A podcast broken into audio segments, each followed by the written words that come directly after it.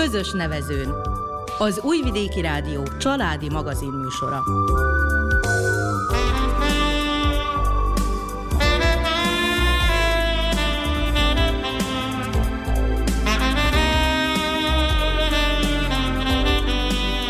Köszöntjük hallgatóinkat a mikrofonnál Nánás Janikó és Miklós Csongor.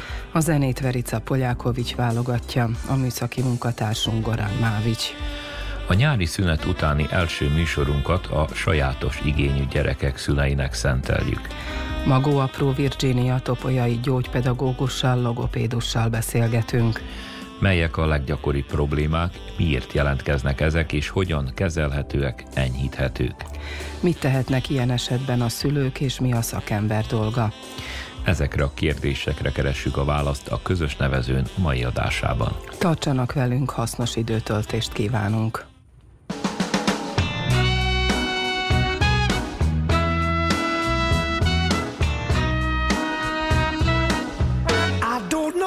About history.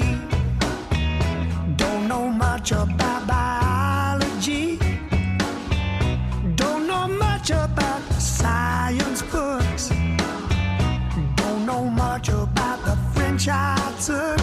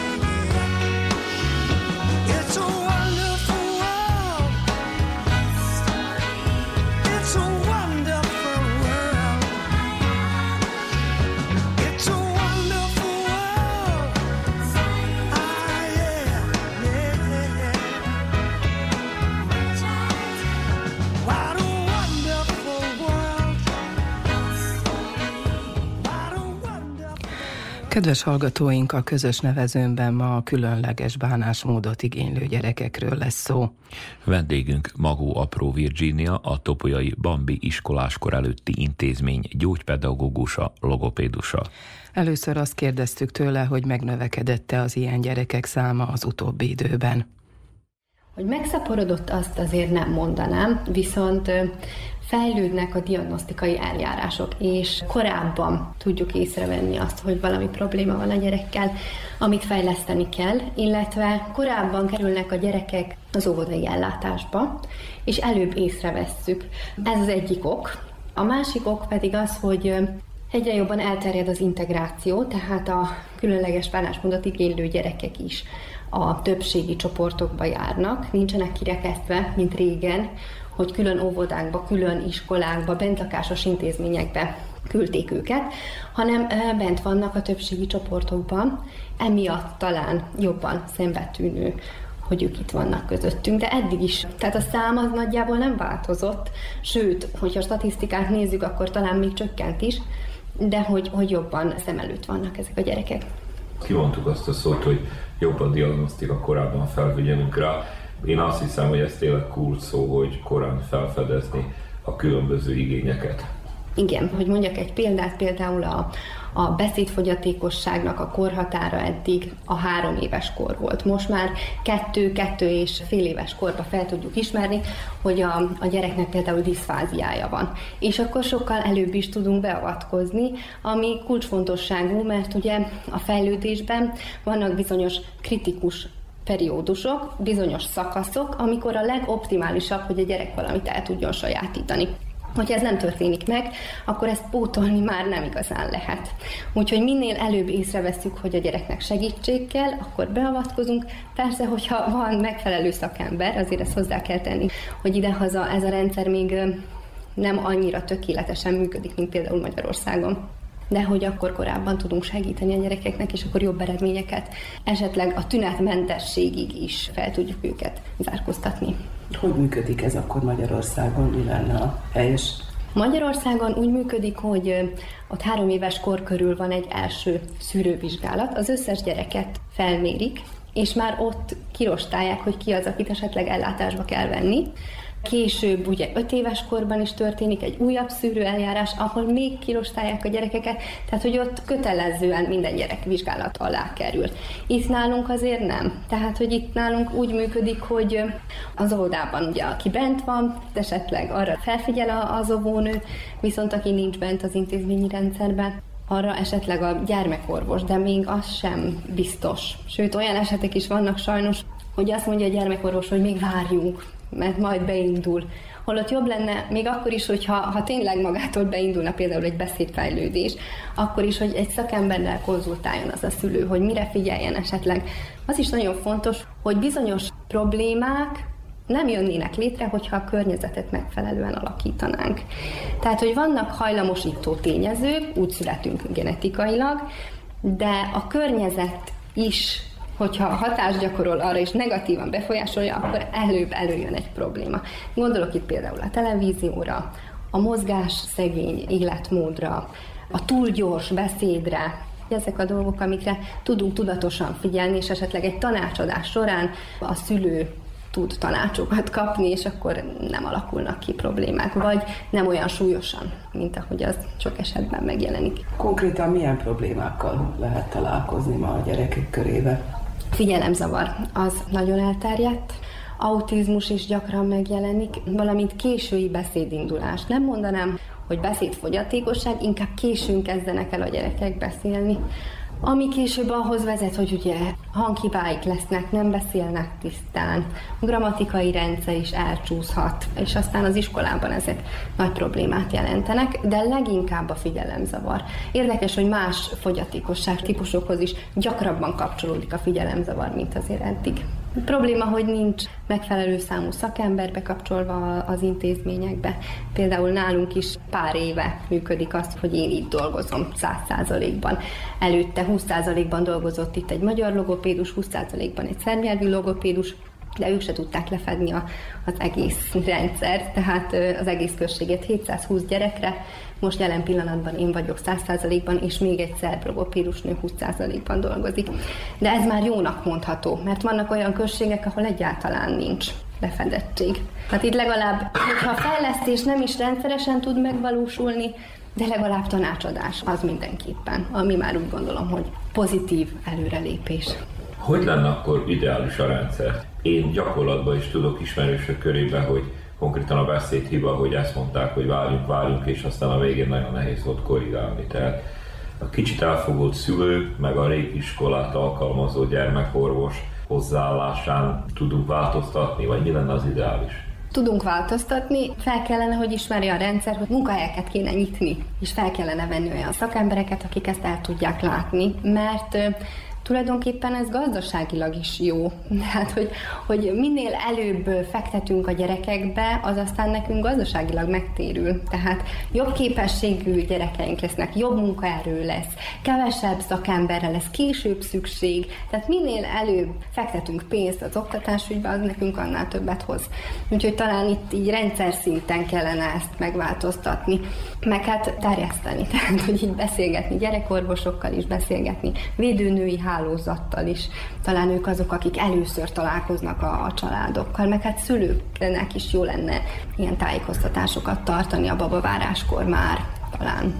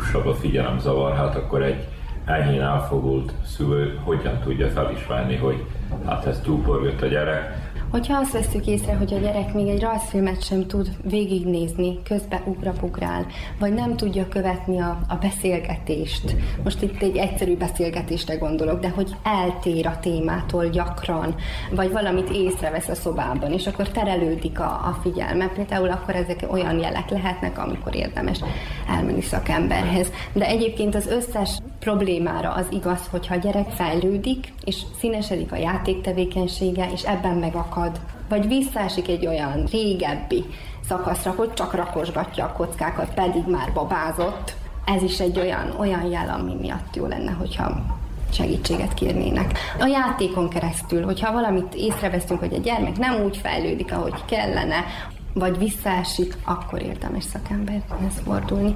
Ez nagyjából már észrevehető három éves korban egyébként. Vagy hogyha nem beszél, nem tart szemkontaktust, nem mosolyog, nem akar nekünk semmit megmutatni, ezek mind olyan dolgok, amik pedig autizmusra tudnak utalni. Mindig érdemesebb egy konzultációt kérni és kizárni az esetleges problémát. És hajlandók a szülők szakember segítségét kérni és együttműködni is vele? Igen, én azt látom, hogy egyre jobban egyébként. Mert hogy ez valamikor Igen. ugye szégyennek számított. Szégyennek számított, igen. De most már talán azért nem, mert többen vagyunk szakemberek, és látják egymás között. Érdekes, ahogy létrejönnek kapcsolatok ezek a szülők között, és egymással kommunikálnak. Azonos probléma összeköti őket, és akkor, ahogy egymással konzultálnak, és látják a másik gyerekén is az eredményeket, akkor felismerik, hogy az ő gyereküknek is kell a segítség, és hogy mennyit tudunk változtatni ezen, és hogy később mennyivel könnyebb lesz. Úgyhogy most már úgy gondolom, hogy bátrabban mernek, még akkor is tanácsot kérni, hogyha nincsen egyébként semmi probléma, de hogy ők, hogy nyugodtak legyenek, inkább elviszik szakemberhez, vagy megkérnek bennünket, hogy menjünk be az óvis csoportba, és figyeljük meg őket, hogy nem látunk esetleg valami problémát, nyitottabbak. Meg hát azért, azért a médiából is most már elég sok információt kapnak a szülők, tehát ilyen figyelemfelhívó információkat, úgyhogy terjed ez szépen lassan, és pozitívak vagyunk egyre jobb. Tehát pont erre akartam rákérdezni, hogy, hogy egy óvodában ez hogy működik, tehát egy szakember az járkál csoportról csoportra, vagy az óvónő, illetve a szülőnek a fölkérésére figyel oda jobban inkább a szakember? Hát nem tudunk nyilván minden csoportba csak úgy kimenni, hanem amikor az óvónő szól. Igen. Tehát akár a bölcsödében is már. Tehát szól az óvónő, és akkor bemegyünk a csoportba, vagy szülői kérésre. Akkor is úgy működik, hogy először bemegyünk a csoportszobába, mert az a gyereknek a természetes közege. Nem ugyanúgy viselkedik egy gyerek, hogyha én kiviszem a csoportból, és akkor az én szobámba ott sokszor meg is ijed. Hogyha meg nagyon pici, akkor a szülővel együtt egyeztetni egy olyan alkalmat, amikor eljönnek külön csak, hogy, hogy a gyerekkel foglalkozunk, meg megvizsgáljuk. Először a csoportba nézzük meg, hogy hogyan funkcionál a társaival, hogy mikkel játszik, több ideig játszik egy játékkal, vagy csak össze-vissza szaladozik a szobában. Tehát, hogy ezek olyan dolgok, hogyan étkezik, vannak-e szabályok, utána pedig egy konzultációt tartunk a szülővel, hogy ő elmesélje, hogy oda-haza hogyan viselkedik a gyerek. Sokszor az okoz problémát például, hogy nincsenek oda-haza szabályok. Tehát, hogy nem ülünk az asztalnál, a gyereknek nincs meg egy ritmusa, olyan probléma is elő szokott fordulni, hogy a szülők váltásokra dolgoznak, a gyereknek nincs meg az a napi rendszere, ami miatt feszülté válik. És akkor sokszor ezek a problémákat, hogyha ezeket kiküszöböljük, akkor megszűnik a probléma az óvodában is. Ilyen eseteink is vannak. Úgyhogy mindenképpen fontos, hogy a szülővel is történjen egy konzultáció, és akkor ezután szokott eljönni a gyerek egy felmérésre, akár maga, vagy a szülővel, vagy ovis csoportos kisbaráttal, az is szokott segíteni, hogy jobban megnyíljon a Tehát ez egy picit furcsa, hogy néha elég, hogyha csak úgymond rendbe rakjuk a dolgokat, egy kicsi rend veszi körül rendszer, és már is felállnak a dolgok. Igen, a gyerekeknek nagyon fontos az a ritmus, a napi ritmus, hogy biztonságot jelentsen nekik valami. És az sok esetben ezek a napi megszokott dolgaink, amiket kellene, hogy kövessünk. Tehát, hogy együtt leülünk, együtt teszünk, minden nap ugyanakkor fürdünk, minden nap ugyanakkor fekszünk, megvan a kis helye, ahol, ahol ő alszik, a saját játékai, tehát hogy ezek a rendszeres dolgok, vagy ilyen tanácsokat adunk, hogy ne szóljon otthon a tévé, háttérzaj ne legyen, hogy jobban tudjon a gyerek a beszédre figyelni, mondókázzanak sokat, tehát ezek a dolgok is már sokszor segítenek. Bizonyos rendszer kell, nyilván kell a szabad játék is, de annak is megvan egy időszaka a napból. Tehát, hogy az ebéd utáni, nem tudom, pihenés után következhet a szabad játék. Amit szeretnél, azt csinálsz két óra hosszáig. Megnézhetsz egy rajzfilmet is, csak nem kell, hogy órák hosszáig rajzfilmet nézzen az a gyerek. Tehát kell szabadságot adni neki nyilván, csak bizonyos keretek között annak is kell, hogy legyen egy rendje. Figyelemzavar esetén mindenképpen szenzoros terápiát javaslunk, tehát az érzékszerveket stimuláljuk mozgással, hallási ingerekkel, tapintásos ingerekkel egyrészt, másrészt nagyon hatékonyak a mozgásos terápiák, a TSMT terápia, ami jobban elterjedt ide, haza más terápiák azért nem annyira. És ez mit jelent? Tervezett szenzomotoros tréning, a TSMT terápia. Ez egy célzott mozgásos fejlesztés, aminek nagyon jó hatása van a figyelemzavarra. Az is fontos, hogy például figyelemzavar esetén több szakembert kapcsoljunk be, tehát mozgásfejlesztőt, akár TSMT terapeutát, mellette akár logopédust, hogyha arra is szükség van, vagy gyógypedagógust, és ezek a szakemberek együtt tudjanak dolgozni, és a szülő lehetőség szerint bent legyen a foglalkozásokon, az is nagyon fontos, és aztán oda-haza ő ezeket a dolgokat, amiket ott elles folytatni tudja. Ott leginkább ilyen érzékszervi stimuláció történik, én nagyon nem pártolom a gyógyszeres kezelést, csak már végső esetben, de van, amikor arra is nyilván szükség van. Mert hogy nem tud koncentrálni később a gyerek az iskolában, akkor szükséges. De hatékonyak ezek a módszerek, úgyhogy sokszor erre nem kerül sor. Sokszor még figyelemzavar mellett a viselkedés problémák megjelennek. Ugye, hogyha nem elfogadó környezetben van a gyerek, és érzi, hogy más, mint a többi, akkor székdobálás, verekedés, ilyesmi is meg szokott jelenni, akkor érdemes még pszichológust bekapcsolni. Tehát, hogy ez tényleg annyira gyerekfüggő, ilyen általános szabályokat nagyon nehéz mondani. Összetett. Tehát gyerekre, mindig gyerekre határozzuk meg a fejlesztést.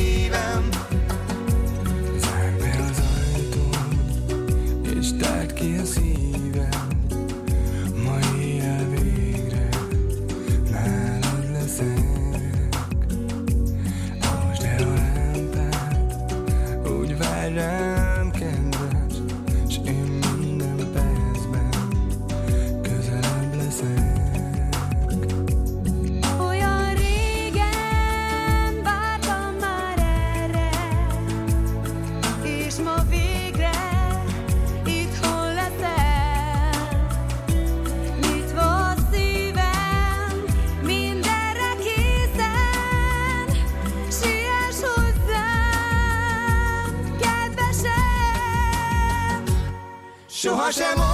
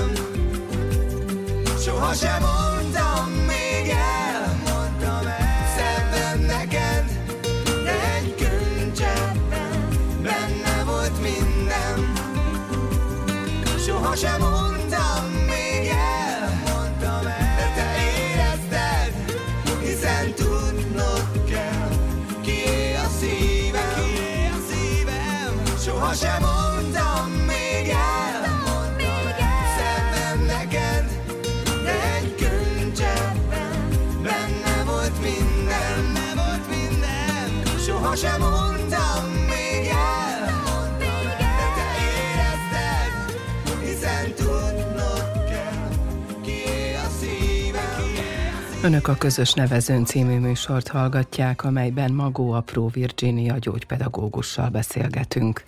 A gyerekeknél jelentkező problémák egyike az autizmus. A folytatásban erről lesz szó.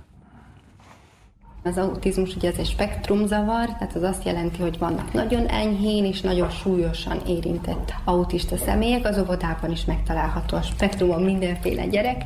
Náluk kifejezetten fontos ez a kiszámíthatóság, tehát hogy tudják, hogy miután mi következik, hogy meglegyen a helye, ami biztonságot ad neki.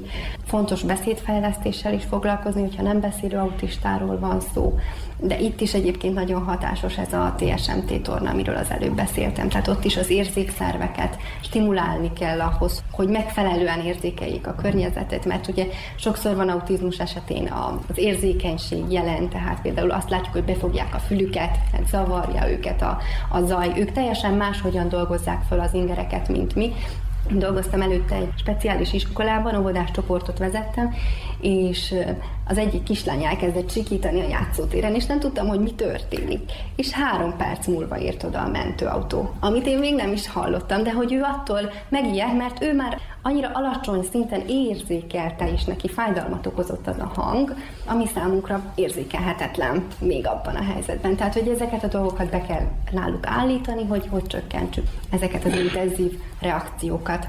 Sokat segít nekik a képes napi rend is, azt is próbáljuk azért bevezetni, hogy képek segítségével lássák át a, a napnak a menetét, hogy az is egy kiszámíthatóságot adjon, és akkor ne okozzon frusztrációt, ami esetleg ilyen dükkitörésekbe tud áttorkolni. Meg az autizmus, mintha valami modern betegség lenne az utóbbi, nem tudom én, húsz évben. Tudunk róla, ez tényleg valami újdonság, vagy létezett azelőtt, és csak nem foglalkoztunk vele, és mi váltja ki? Volt ez mindig az autizmus. Csak ugyanaz, hogyha súlyos eset volt, akkor őt kirekesztettük. A nem súlyos eseteket gyakran nem diagnosztizáltuk, tehát most is tudunk még olyan eseteket, sőt nem is keveset, akiket fölnőtt korban diagnosztizáltak. Ők azok a furcsa gyerekek, akik olyan furcsán viselkednek, úgy nem tudnak kommunikálni, de úgy mindenben teljesítenek a maguk módján, csak kicsit furcsák. Ezek a gyerekek voltak akkor régebben az autista gyerekek, csak nem diagnosztizáltuk őket. Most meg már, mivel megjelent az integráció, ezért minden autista gyermek bent van a közösségben. Úgyhogy volt ez mindig. A kialakulásának oka az még nem feltárt, tehát azt nem tudjuk. Vannak különféle elméletek, például egy ilyen az is, hogy a vakcina okozna, én nem gondolom, hogy ennek lenne bármi alapja. Az fontos itt megjegyezni, hogy akkor látjuk meg az autizmusnak az első tüneteit, amikor a vakcinát megkapja a gyerek. Tehát, hogy ez a kettő, ez összecseng. Tehát ugyanabban az időszakban történik. És amiatt tulajdoníthatjuk annak, hogy biztosan a vakcinától, holott tudjuk, hogy már egy éves korban megjelennek azok a tünetek egyébként, sőt, még korábban is, amik arra utalnak, hogy autista gyerek. Például, hogy nem mosolyog vissza, vagy nem követ minket a szemével, vagy nehezen megnyugtatható, vagy szereti nézni azokat a dolgokat, amik körbeforognak, és még akkor is, hogyha anyuka odahajol, akkor is inkább a körbeforgó dolgot nézi. Tehát, hogy most már, ahogy felülnek az ismereteink, akkor minél előbb tudjuk behatárolni, és akkor talán majd szétesik ez, hogy a, az autizmus a, a vakcina miatt alakul ki, mert hogy ez nem valós véleményem szerint És kigyógyítható? Fejleszthető. nem lehet kigyógyítani, de fejleszthető olyan szintre, hogy az akár észrevehetetlen legyen. Még a súlyos autizmus is fejleszthető nyilván. Nem biztos, hogy minden gyerek elkezd beszélni, sőt, valószínűleg nem, de kommunikálni meg tudjuk őket tanítani, akár képes módszerrel, akár mással. Az enyhébb autizmus sem gyógyítható ki, viszont ott is megtaníthatjuk a gyerekeknek történeteken keresztül azokat a szociális szabályokat, amik segíthetik őket, hogy tájékozódjanak a, a fölnőtt világban.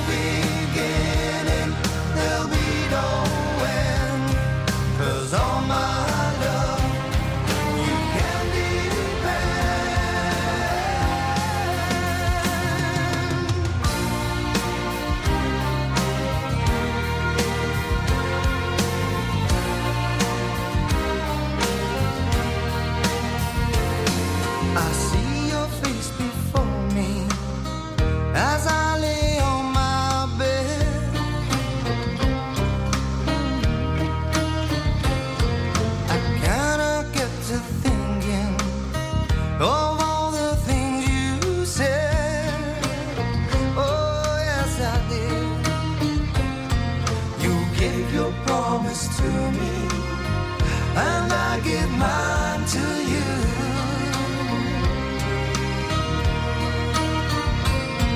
I need someone beside me in everything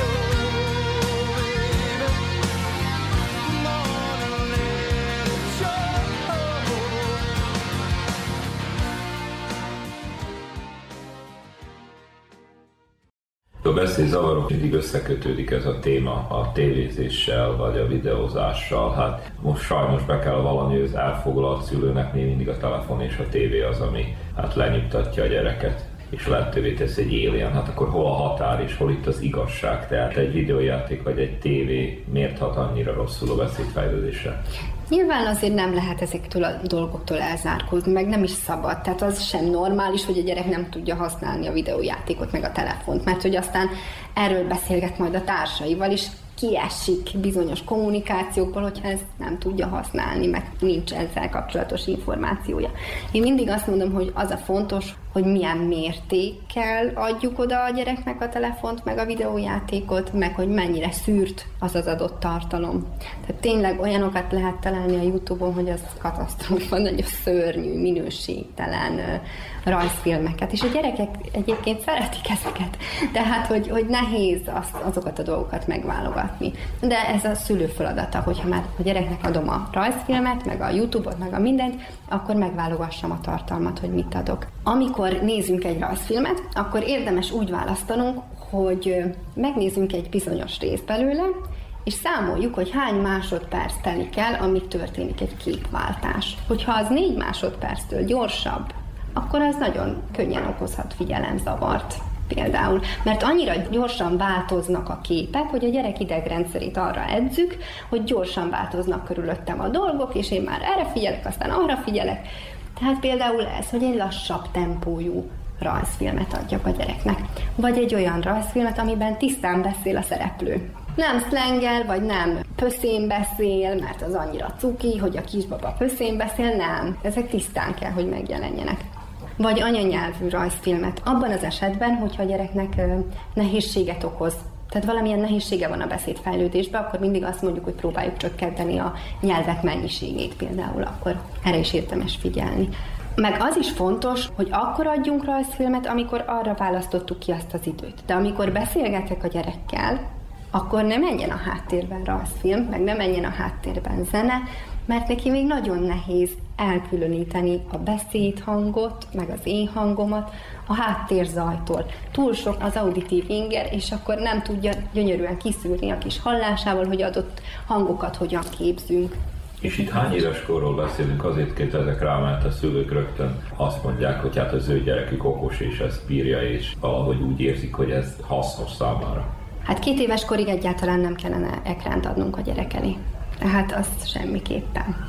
Nyilván, hogyha szeretnénk idegen nyelvre tanítani, a nyelvelsajátítás egyébként nem megy ilyen passzív módon. Tehát hogyha új és idegen nyelvet szeretne a szülő elsajátítatni a gyerekkel, akkor érdemes közösségbe vinni a gyereket, vagy elvinni egy olyan foglalkozásra, ahol angolul beszél a, a foglalkozásvezető, és több gyerek van jelen, mert hogy a kommunikáció az interakción keresztül fejlődik, és az új nyelv elsajátítása is az interakción keresztül fejlődik. Én kérdezek valamit, arra mondanak valamit. Az, hogy én nézem passzív befogadóként a tévét, attól nem fogok megtanulni angolul. Viszont a Előtte- szókis szempontjából fontos a- az anyanyelvű film, vagy akármi. Hát igen, főleg, hogyha nem mesélünk mesét, azért fontosabb lenne az esti mese, mint a rajzfilm, nyilván. De hogyha nincs más módunk, akkor nyilván ott megengedjük a gyereknek, hogy nézzen valamennyit a rajzfilmekből. Csak ennek is megvan, hogy mennyi. Tehát fél óra, egy óra hosszánál semmiképp sem többet. És mi legyen például a Disney rajzfilmekkel, a tündérmeséket illusztráló filmekkel, amiket most hát nagyon szidnak, mert hogy agresszívak, meg vérengzőek, meg megijednek a gyerekek a gonosz mostohától, meg sírnak, amikor a Bambi anyját lelövik, szóval ez javasolt, vagy nem javasolt ma már? Ugye a, a meseterápia valahol ezt ahhoz tudnám kötni, hogy a gyerekeknek olyan meséket is mesélünk, ami számunkra borzasztó. A gyerek nem így éli ezt meg. És kell, hogy legyen egy olyan stratégiája, amivel később ezeket az eseményeket az életben is át tudja vészelni. Úgyhogy érdemes, sőt, borzasztó meséket is olvasni, mert a gyerek ezt nem úgy éli meg. Az a fontos, hogy a szülő mindig ott legyen, és meg lehessen vele beszélni, hogy mi is történt ott valójában, vagy hogyha azt látjuk, hogy a gyereket esetleg nehezen érinti, akkor azt a részt a rajzfilmben megnézzük közösen együtt, hogy rögtön tudjak adni rá valamilyen reakciót. Nehéz ez sokszor, ugye a mindennapi életben kivitelezni nyilván, de hát azt a korai időszakot azt muszáj tökéletesen kihasználni a kisgyerekekkel, aztán nekünk lesz sokkal-sokkal könnyebb. És a reál világból nem lehet kibújni, tehát most az, hogy valami rossz is történik, azt korai fázisban is gyereknek tudni kell.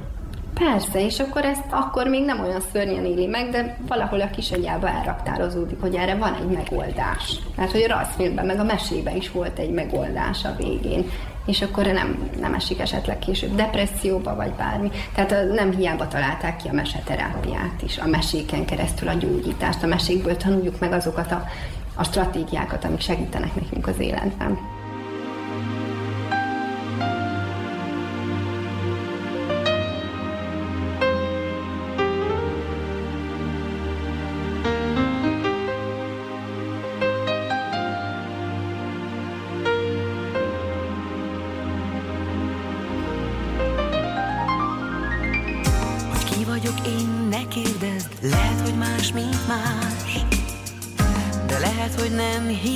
Hibás, aki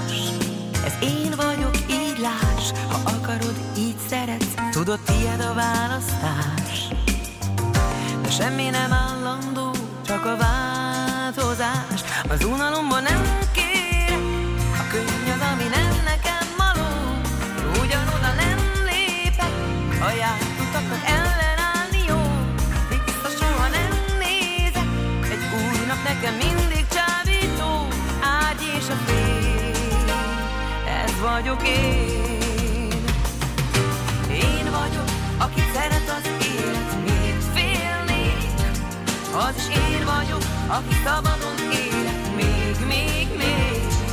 Az is én vagyok, aki szerelem érted, gondolj rám. Kicsit más vagyok, de neked ezt kell talán. Az zen segít nekem, mikor bekerít minden baj. Ha valami fáj, gyógyszer a dal. A nőből így lesz csaj, a mosolyom jön velem, le is omlik fal. De tudom, hogy győzni nem jó túl hamar. Az unalomból nem kérek, játszom, ami érdekel a show. És ki az, aki nem téved, de kijutok, ha süllyed a hajó.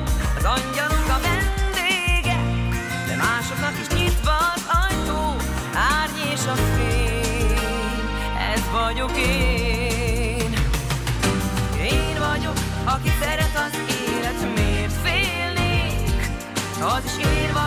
Aki szabadon élek, még, még, még. Az is én vagyok, aki szerelem érted, gondolj rám. Kicsit más vagyok, de neked ezt kell talán. Én vagyok az a tűz, ami éget, miért félnék? Az is én vagyok, aki leüt téged, jég, jég, jég. Az is én vagyok, aki harcolna érted. Kicsit más vagyok, de neked ezt kell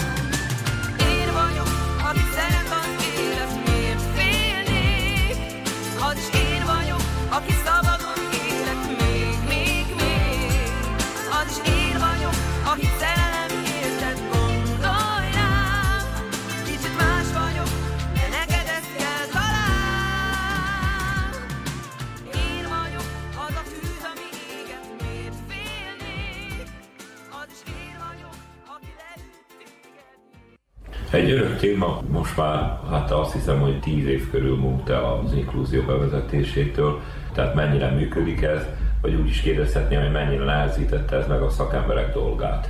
Egyre több ismeretük van az óvónőknek, a tanítónőknek ezekről a dolgokról. Úgy gondolom, hogy még mindig nem elegendő, de valahogy úgy gondolom, hogy nem is az ő tisztjük, hogy el minden, minden képben legyenek. Akkor jó az inkluzió, hogyha van egy támogatás mögötte, hogyha van elég gyógypedagógus, tehát a gyógypedagógiának a, az adott szegmenséből szakember, hogyha egy látássérüléssel kell foglalkozunk, akkor egy olyan gyógypedagógus, ha logopédus kell, akkor logopédus, ha oligofrenológus, oligofrenológus, tehát hogy legyen meg egy olyan segítő háttér, ami tudja segíteni a tanító munkáját, meg a gyereknek a fejlődését is.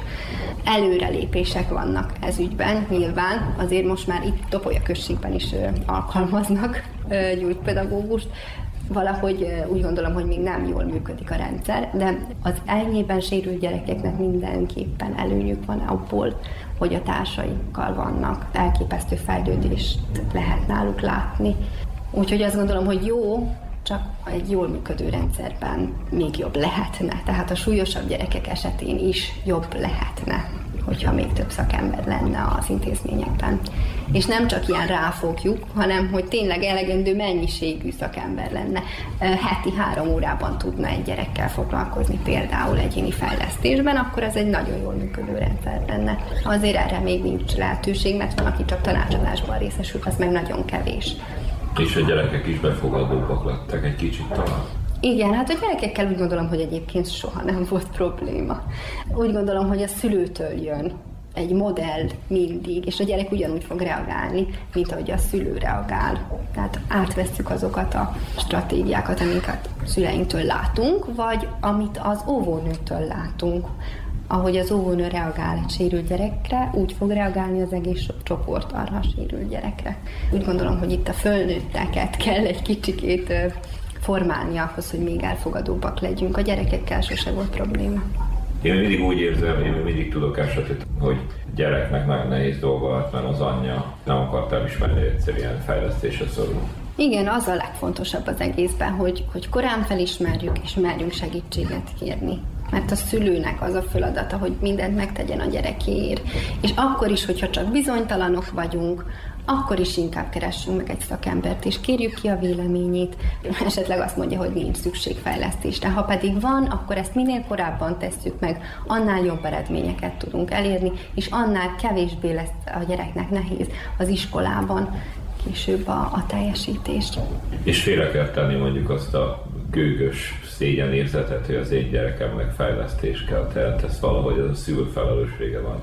Igen, annyira sokszínűek vagyunk egyébként, hogy erre, meg, meg azért modern felfogásban sokkal elfogadóbbak is vagyunk, tehát annyira sokfélék vagyunk, hogy, hogy nem gondolom, hogy, hogy ebbe bele kell menni. Nyilván nehéz ezt megélni, és adjunk magunknak pár hónapot, vagy esetleg pszichológust is kérjünk meg, hogy segítsen nekünk a feldolgozásba, hogyha úgy érezzük, de, de a gyerek javát kell nézni mert később sem múlik el a probléma attól, hogy, hogy besöpröm a szőnyeg alá, csak halmozódik és növekszik.